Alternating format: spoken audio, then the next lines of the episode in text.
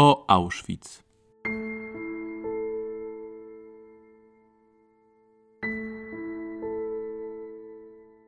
Historia obozu Auschwitz jest niezwykle złożona.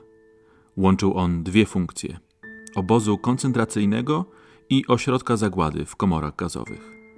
Nazistowskie Niemcy prześladowały w nim różne grupy ludzi, a kompleks obozowy nieustannie rozbudowywał się i przekształcał. W podcaście o Auschwitz mówimy o szczegółach historii obozu oraz o naszej współczesnej pamięci o tym szczególnym miejscu.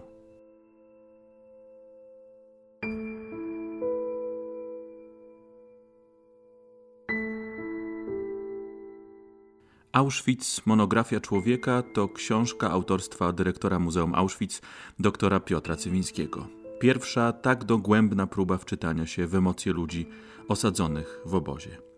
Przedmiotem jego refleksji stały się emocje i dylematy wewnętrzne więźniów niemieckiego obozu Auschwitz, jak również ich strategie obronne pomagające w przetrwaniu w świecie terroru, przemocy, ciągłego odczłowieczenia i upodlenia.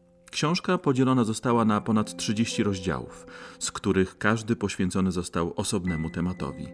To m.in. początkowy szok, osamotnienie, śmierć, głód, koleżeństwo, empatia, przyzwoitość, walka i opór, kultura i nauka, strach czy nadzieja. Ten świat pomagają zrozumieć cytaty wypowiedzi prawie 450 osób ocalałych z Auschwitz.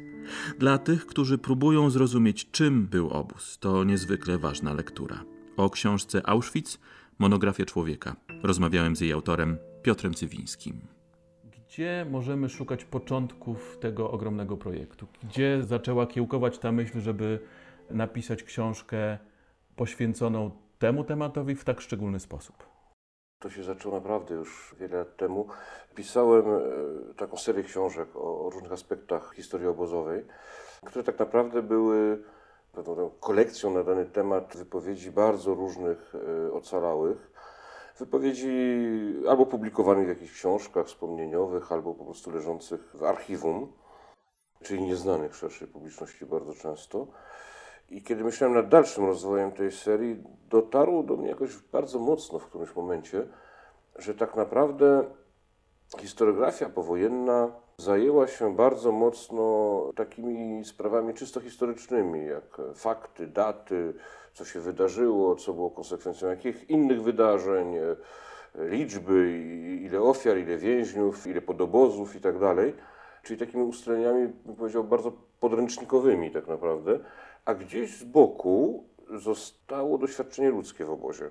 Mm, natomiast jak się człowiek wczytuje w te książki czy w te relacje archiwalne, to mamy kilka różnych typów narracji. Niektóre są faktycznie czysto historyczne, czysto faktograficzne, ale niektóre próbują dużo głębiej opisać swoje własne doświadczenie i to zostało gdzieś pominięte, zostawione na boku.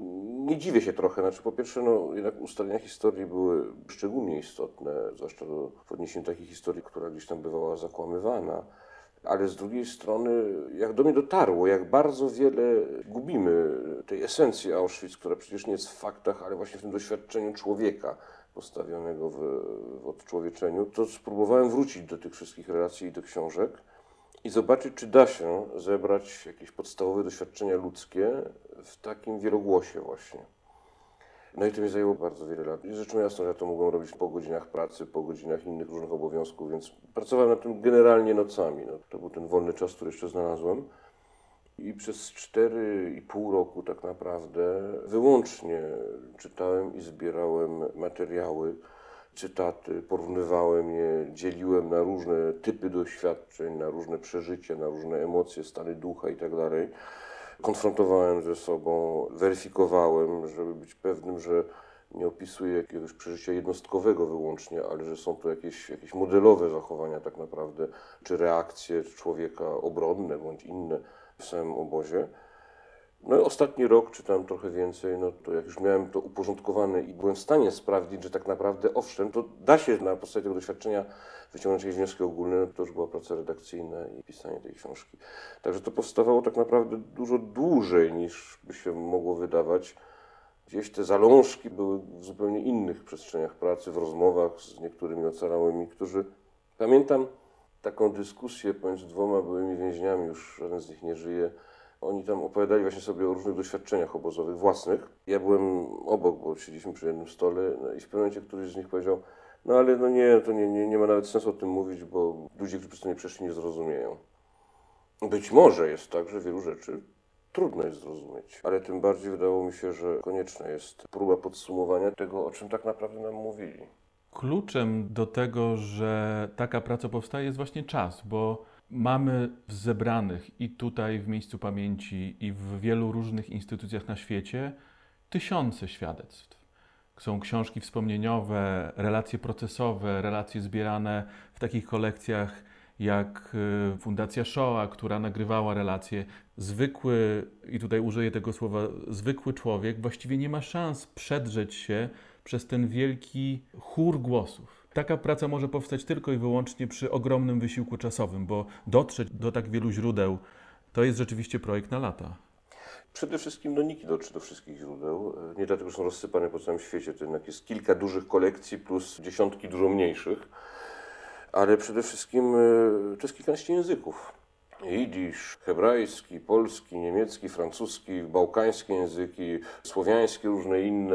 Nie ma nikogo, kto by znał na tyle dobrze tyle języków, żeby być w stanie odczytać i to jeszcze z, z głębokim, empatycznym zrozumieniem różne niuanse tych relacji. A to nie jest tak, że one zostały wszystkie przetłumaczone na jakiś angielski czy inny. Ja, ja sam miałem ten problem. No, w moim przypadku skupiłem się na relacjach polskich, francuskich i angielskich, tylko czasami sięgając do języków, których znam gorzej. Natomiast no, nie byłem w stanie przed hebrajskich relacji węgierskich czy greckich czytać.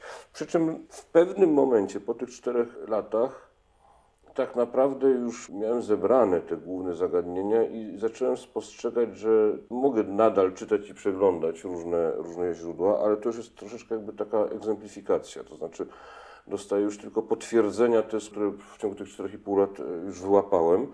Więc tylko było pytanie, który cytat jest bardziej reprezentatywny, bądź bardziej nośny, bądź lepiej, krócej tłumaczący pewne wydarzenia i który w związku z tym wykorzystać, a który nie. Natomiast prawdą jest taką, że jest tego niezmiernie wiele. To nie jest tak, jak sobie często wyobrażamy, że podstawa źródłowa już jest cała przebadana, już jest cała znana. To są naprawdę dziesiątki i setki tysięcy stron po prostu, pisanych przez bardzo różnych ludzi, jedni mających większe talenty pisarskie, inni zdecydowanie mniej.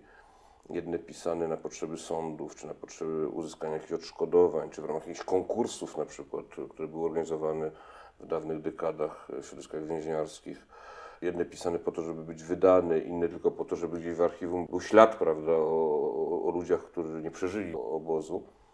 Tak naprawdę wyłuskiwanie z tego materiału tych warstw, które się odnoszą do przeżyć wewnętrznych ludzkich, wcale nie było proste. Ten czas poświęcony wiąże się i z ogromem materiału, i też z jego bardzo złożoną specyfiką. To, to, to, są naprawdę bardzo różne źródła.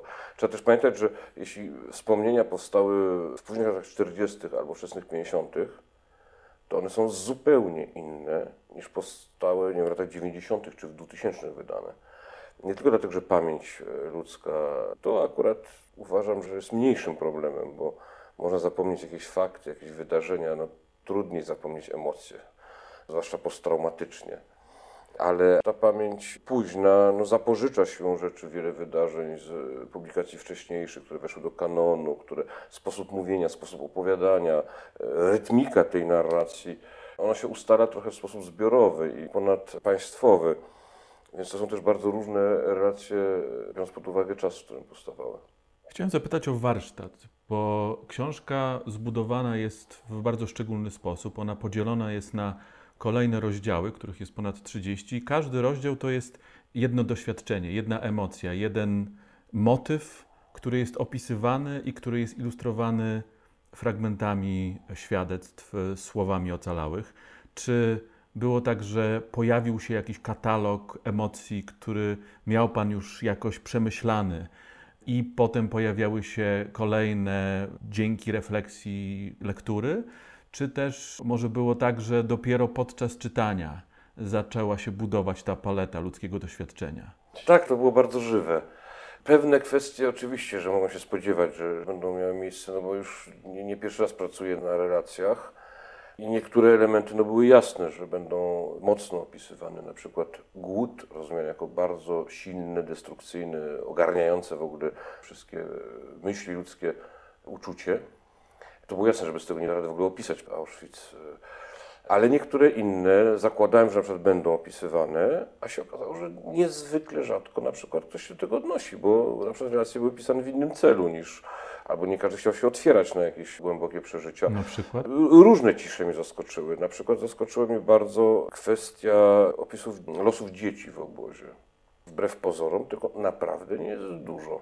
Wszyscy mówią, że owszem, były dzieci w obozie z dzieci romskie, dzieci polskie z Powstania Warszawskiego, z Zamojszczyzny i tak dalej. To nie były duże grupy w porównaniu do ogromu masy więźniarskiej ale jakichś takich głębszych opisów wcale nie jest bardzo dużo. Takich, które by pozwalały jakby skonfrontować różne informacje. Historyk jednak lubi, żeby pewne dane się pojawiały w różnych źródłach, a nie tylko z jednego były zaczerpywane.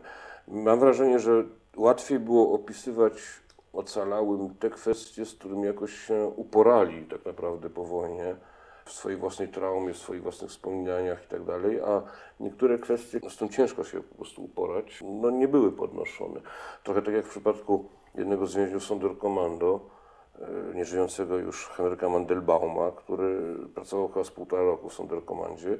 Nie do końca życia twierdził, że on nigdy nie widział dzieci w komorach gazowych. To jest kompletnie absurdalne, no bo to był ten okres największego rozrostu tej machiny zagłady, to były transporty węgierskie i tak dalej.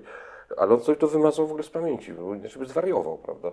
Też były pewne cisze, tylko że z ciszy staram się oczywiście nie wnioskować, bo dla mnie bardzo istotne było to, żeby to oni opowiadali. Znaczy, żebym ja był tylko tym prowadzącym jakby te głosy w takim sensie bardzo służebnym, a nie narzucającym jakby jakąś moją wizję. W związku z tym najpierw zbierałem te cytaty, i one się układały w jakieś takie worki tematyczne, nazwijmy, jeszcze bez wewnętrznej jakby struktury każdego z tych tematów. Natomiast dosyć szybko się okazało, że niektóre trzeba podzielić, albo połączyć, albo przenieść do innego, bo jednak moje metodologiczne założenia człowieka powojennego czasami mi, mi też figle i w pewnym momencie musiałem uznać, że niektóre nie doceniłem, albo niektóre rzeczy założyłem błędnie to było takie dosyć długie stawanie się tej narracji podstawowej.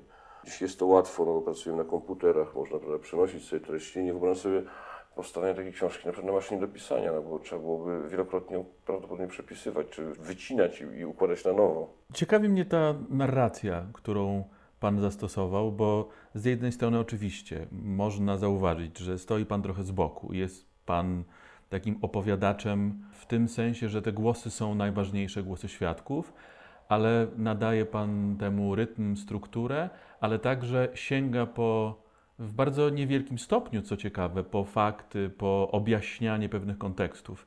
To nie jest książka historyczna o Auschwitz, to nie jest książka, gdzie ktoś pozna cały rozwój systemu obozowego.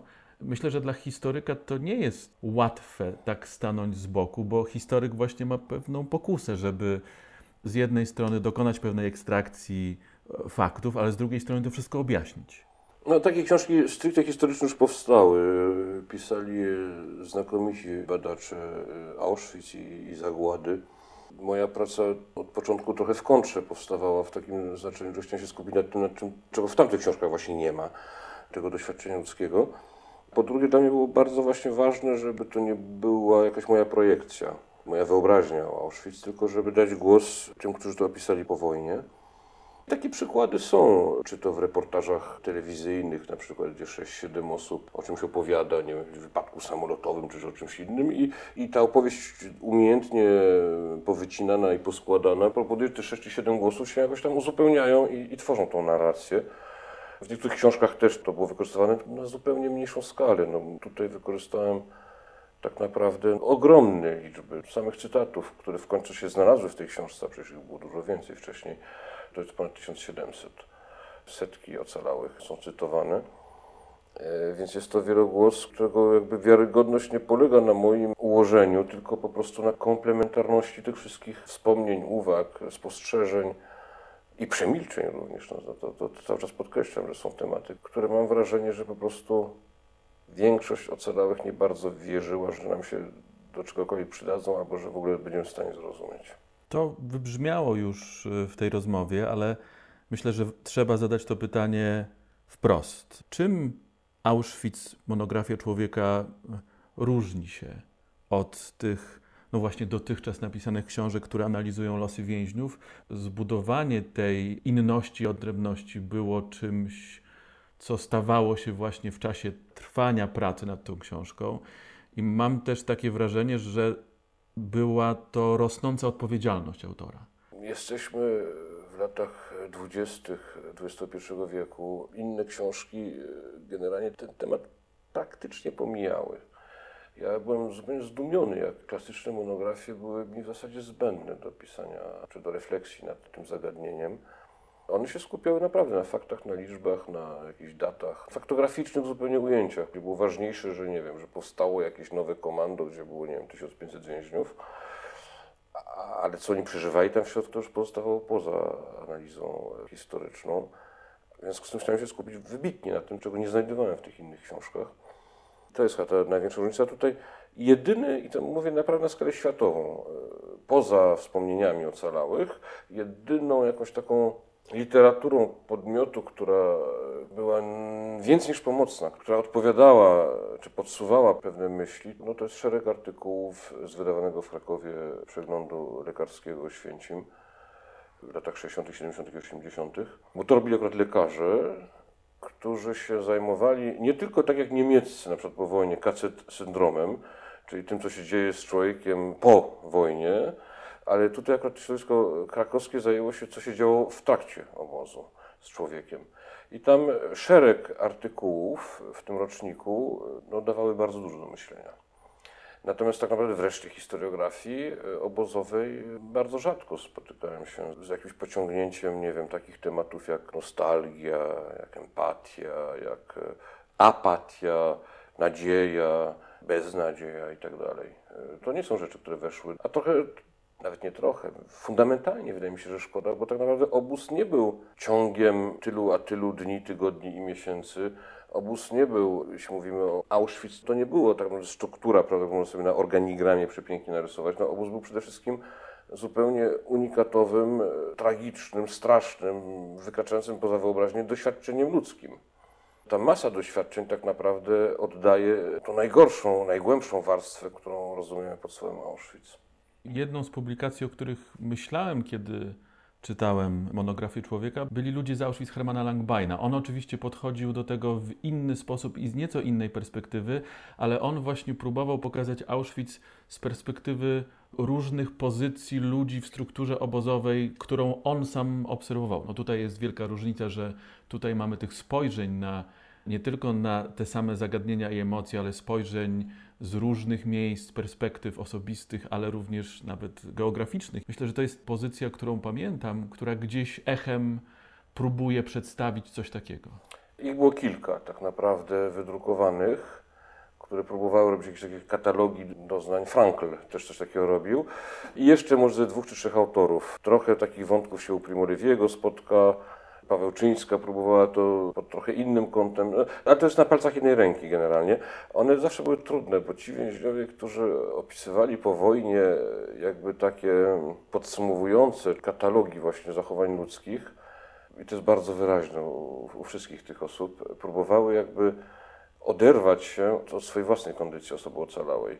Przyjmować taką funkcję bardzo zewnętrzną, narracyjną, obserwującą, naukową, Frank to nawet własne teorie naukowe zaczął z zakresu psychologii na tym budować. A tak naprawdę to się nie udało do końca żadnemu z nich, no bo jednak byli ocalałymi i pisali o rzeczach, które były dla nich zdecydowanie zbyt traumatyczne.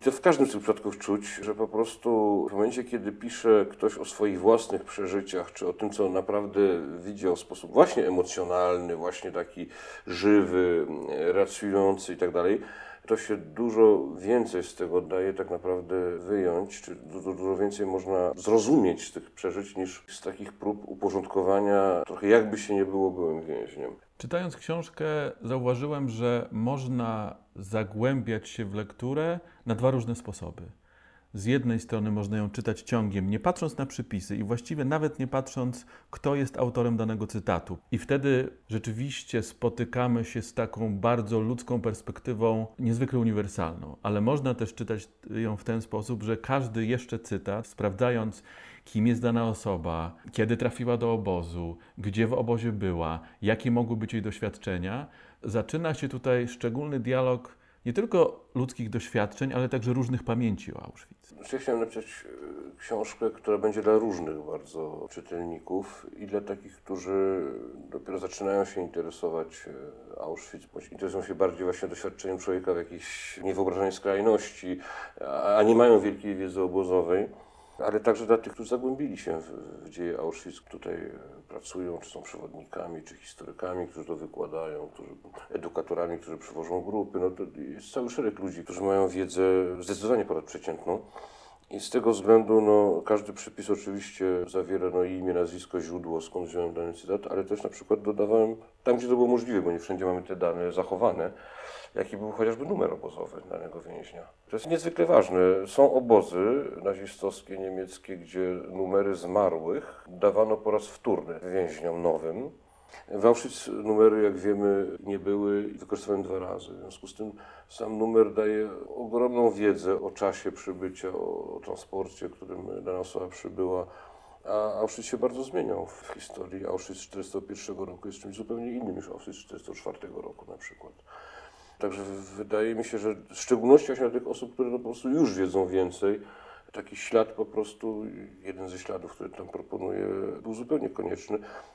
nie ma jednego doświadczenia Auschwitz. Owszem, można pewne ogólne wnioski wyciągać, ale to są doświadczenia skrajnie różne. No, czym innym naprawdę wyglądał ktoś, kto został złapany w łapance, gdzieś na Powiślu na przykład i do końca nie wiedział, dlaczego jego złapali, a kogoś innego czym innym ktoś, kto został zatrzymany, bo działał nie wiem, w państwie podziemnym, y, delegaturze rządu na kraj i wiedział, z jakim ryzykiem to się wiąże.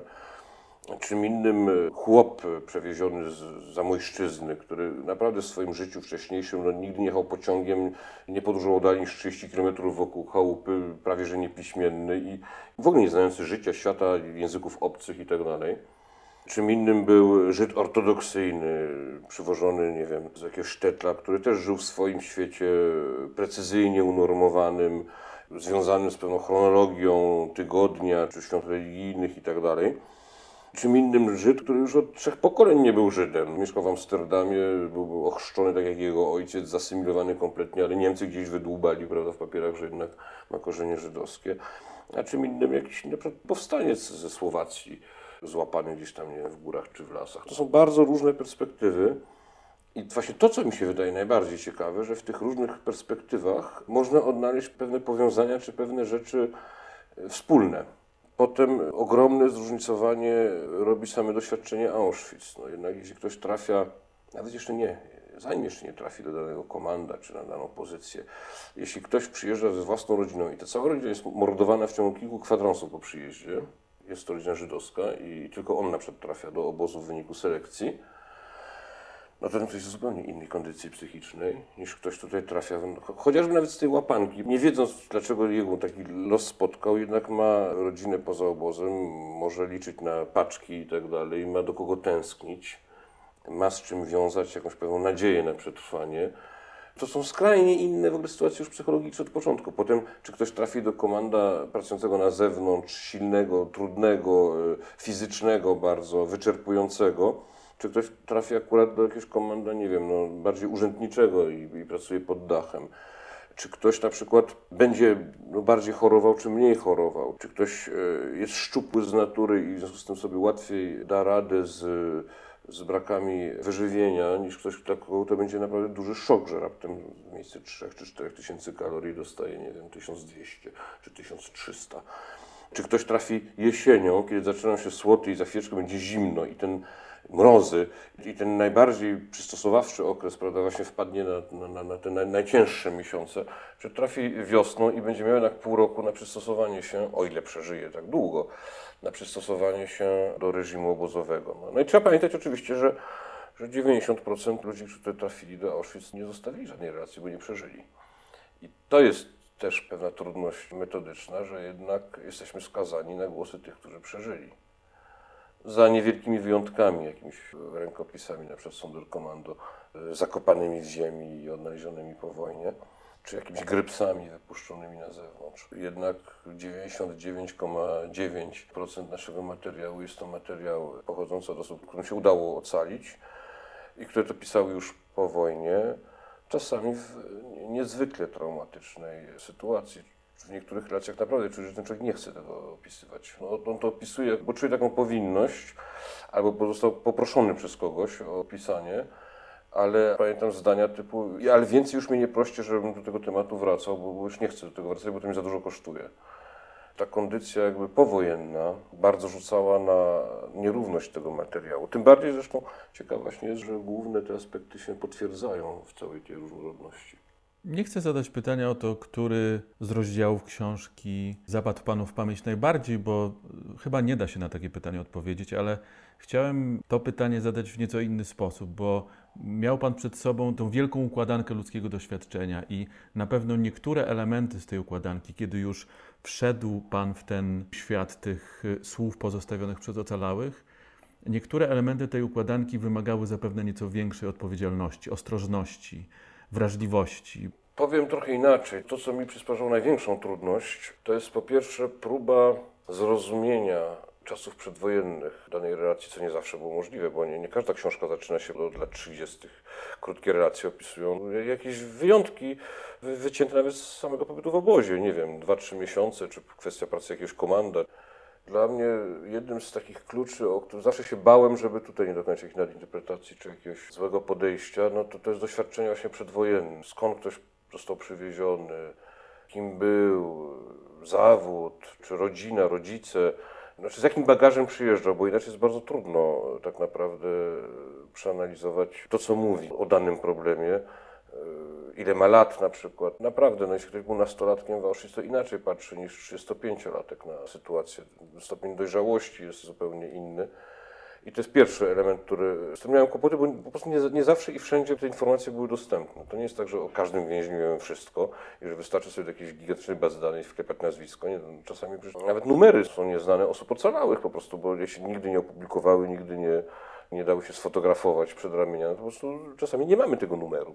A druga kwestia, która była chyba najtrudniejsza, to jest przyjęcie pewnych założeń co do etapu zmuzułmanienia danego więźnia. Czyli jak dalece już pewne procesy głodowe, wyniszczenia i psychicznego, i fizycznego były posunięte w tym momencie, który on opisuje. Bo to rzucało bardzo, bardzo mocno na postrzeganie świata zewnętrznego, czy świata obozowego, to bardzo mocno rzucało na odczuwanie pewnych bodźców, na korelowanie pewnych informacji. Człowiek potężnie zmuzułmaniały w obozie już ani bodźców nie odbierał, ani nie był w stanie myśleć logicznie, ani nie był w stanie... Instynkty nawet samozachowawcze się kończyły w pewnym momencie. Ale to nie jest tak, że można postawić pewną kreskę, że od tego momentu mamy do czynienia z więźniem zmuzułmaniałym zupełnie, a do tego momentu, prawda, jednak jego opis rzeczywistości jest nietknięty. To jest proces, który potrafił trwać parę tygodni. Tu było bardzo dużo różnych moich wątpliwości, porównań, zmagań, właśnie, żeby próbować rozeznawać, na jakim etapie swojego życia obozowego dany człowiek zapamiętywał takie, a nie inne sytuacje. Trudno na koniec nie zadać pytania, co dalej, bo nie wierzę, że nie sięgnie Pan już po jakąkolwiek książkę czy relację z jednej strony mamy wydrukowaną książkę, która jest już dziełem kompletnym, ale tak naprawdę można powiedzieć, że to jest początek czegoś. Wydaje mi się, że jest to przede wszystkim pokazanie, że można inaczej myśleć i mówić o obozie. Właśnie nie jako czystej, linearnej historii jakichś tam wydarzeń ogólnych, struktury i dat, ale że można inaczej o tym pisać i myśleć w takich właśnie kategoriach żywego doświadczenia ludzkiego. To jest oczywiście możliwe tylko tam, gdzie mamy dużą ilość relacji. No Trudno by sobie wyobrazić coś takiego, nie wiem, o niektórych podobozach, czy o Treblince, czy o Bełżcu, czy o Sobiborze, no, gdzie nawet jeśli są czasami jakieś relacje, to jest ich kilka dosłownie. Ale wydaje mi się, że to też może być dobrą propozycją dla generalnie opisywania skrajnych sytuacji, gdzie człowiek jest odczłowieczany. Zachodzą pewne systemowe zmiany i w jego samopostrzeganiu, i w jego realnej rzeczywistości, bo to jest bardzo złożone w sytuacji różnych, nie wiem, ludobójstw, wykluczeń, e, które miały miejsce po wojnie, które mają miejsce w tej chwili. Doświadczenie ludzkie jest, jest kwestią naprawdę bardzo fundamentalną dla zrozumienia tego, co się działo. Czasami być może naprawdę ważniejszą niż rozkazy szefostwa. Zresztą jak się uczestniczy właśnie w spotkaniach uczniów, licealistów czy studentów z byłymi więźniami, to się już robi coraz rzadsze, no, ale, ale jeszcze dekady czy dwie temu to, to, to było nagminne przecież. To jest to pytanie, które zawsze pada. A co pan czuł, będąc w obozie? A skąd pan czerpał nadzieję? A, a czy nie bał się pan? Nikt się nie pyta, co się działo tego lub tego dnia, albo, albo w którym dokładnie numerze transportu przyjechał. Takich pytań nie pamiętam. A właśnie na tych drugich pytaniach się skupiła ogromna część historiografii powojennej. Stąd to odwrócenie tego porządku. Zobaczymy, jak, jaka będzie recepcja wśród historyków, ale wydaje mi się, że może być pewną nową propozycją, w każdym razie na tą skalę, jaką się udało tutaj zrobić dla generalnie opisywania człowieka w warunkach skrajnego odczłowieczenia. Czy czuje Pan, że postawił Pan już jakąś kropkę? Czy po postawieniu tej kropki i wysłaniu książki do, do druku nagle okazuje się, że, że może ta ostatnia kropka wcale ostatnią nie jest? I tak i nie. No, swoją kropkę postawiłem. Czy ona jest ostatnia? Nie wierzę w ostatnie kropki, zwłaszcza w tak trudnej i złożonej historii i historii, która tak bardzo wiele mówi o człowieku. Marzyłoby mi się podobna książka o SS-manach.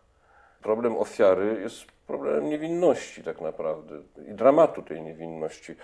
Problem e, załogi SS jest problem sprawców i to jest ten e, antropologicznie najpoważniejszy problem. Jak to w ogóle dochodzi do tego, że człowiek po prostu staje się ukonstytuowanym elementem machiny śmierci.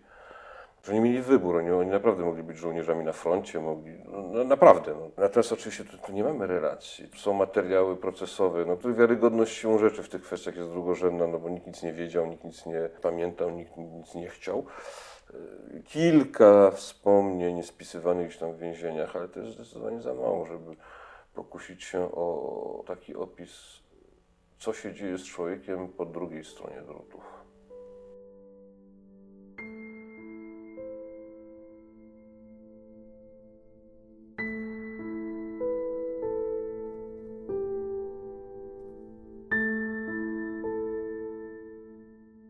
Wszystkie podcasty z cyklu o Auschwitz znaleźć można na stronie www.auschwitz.org ukośnik podcasty.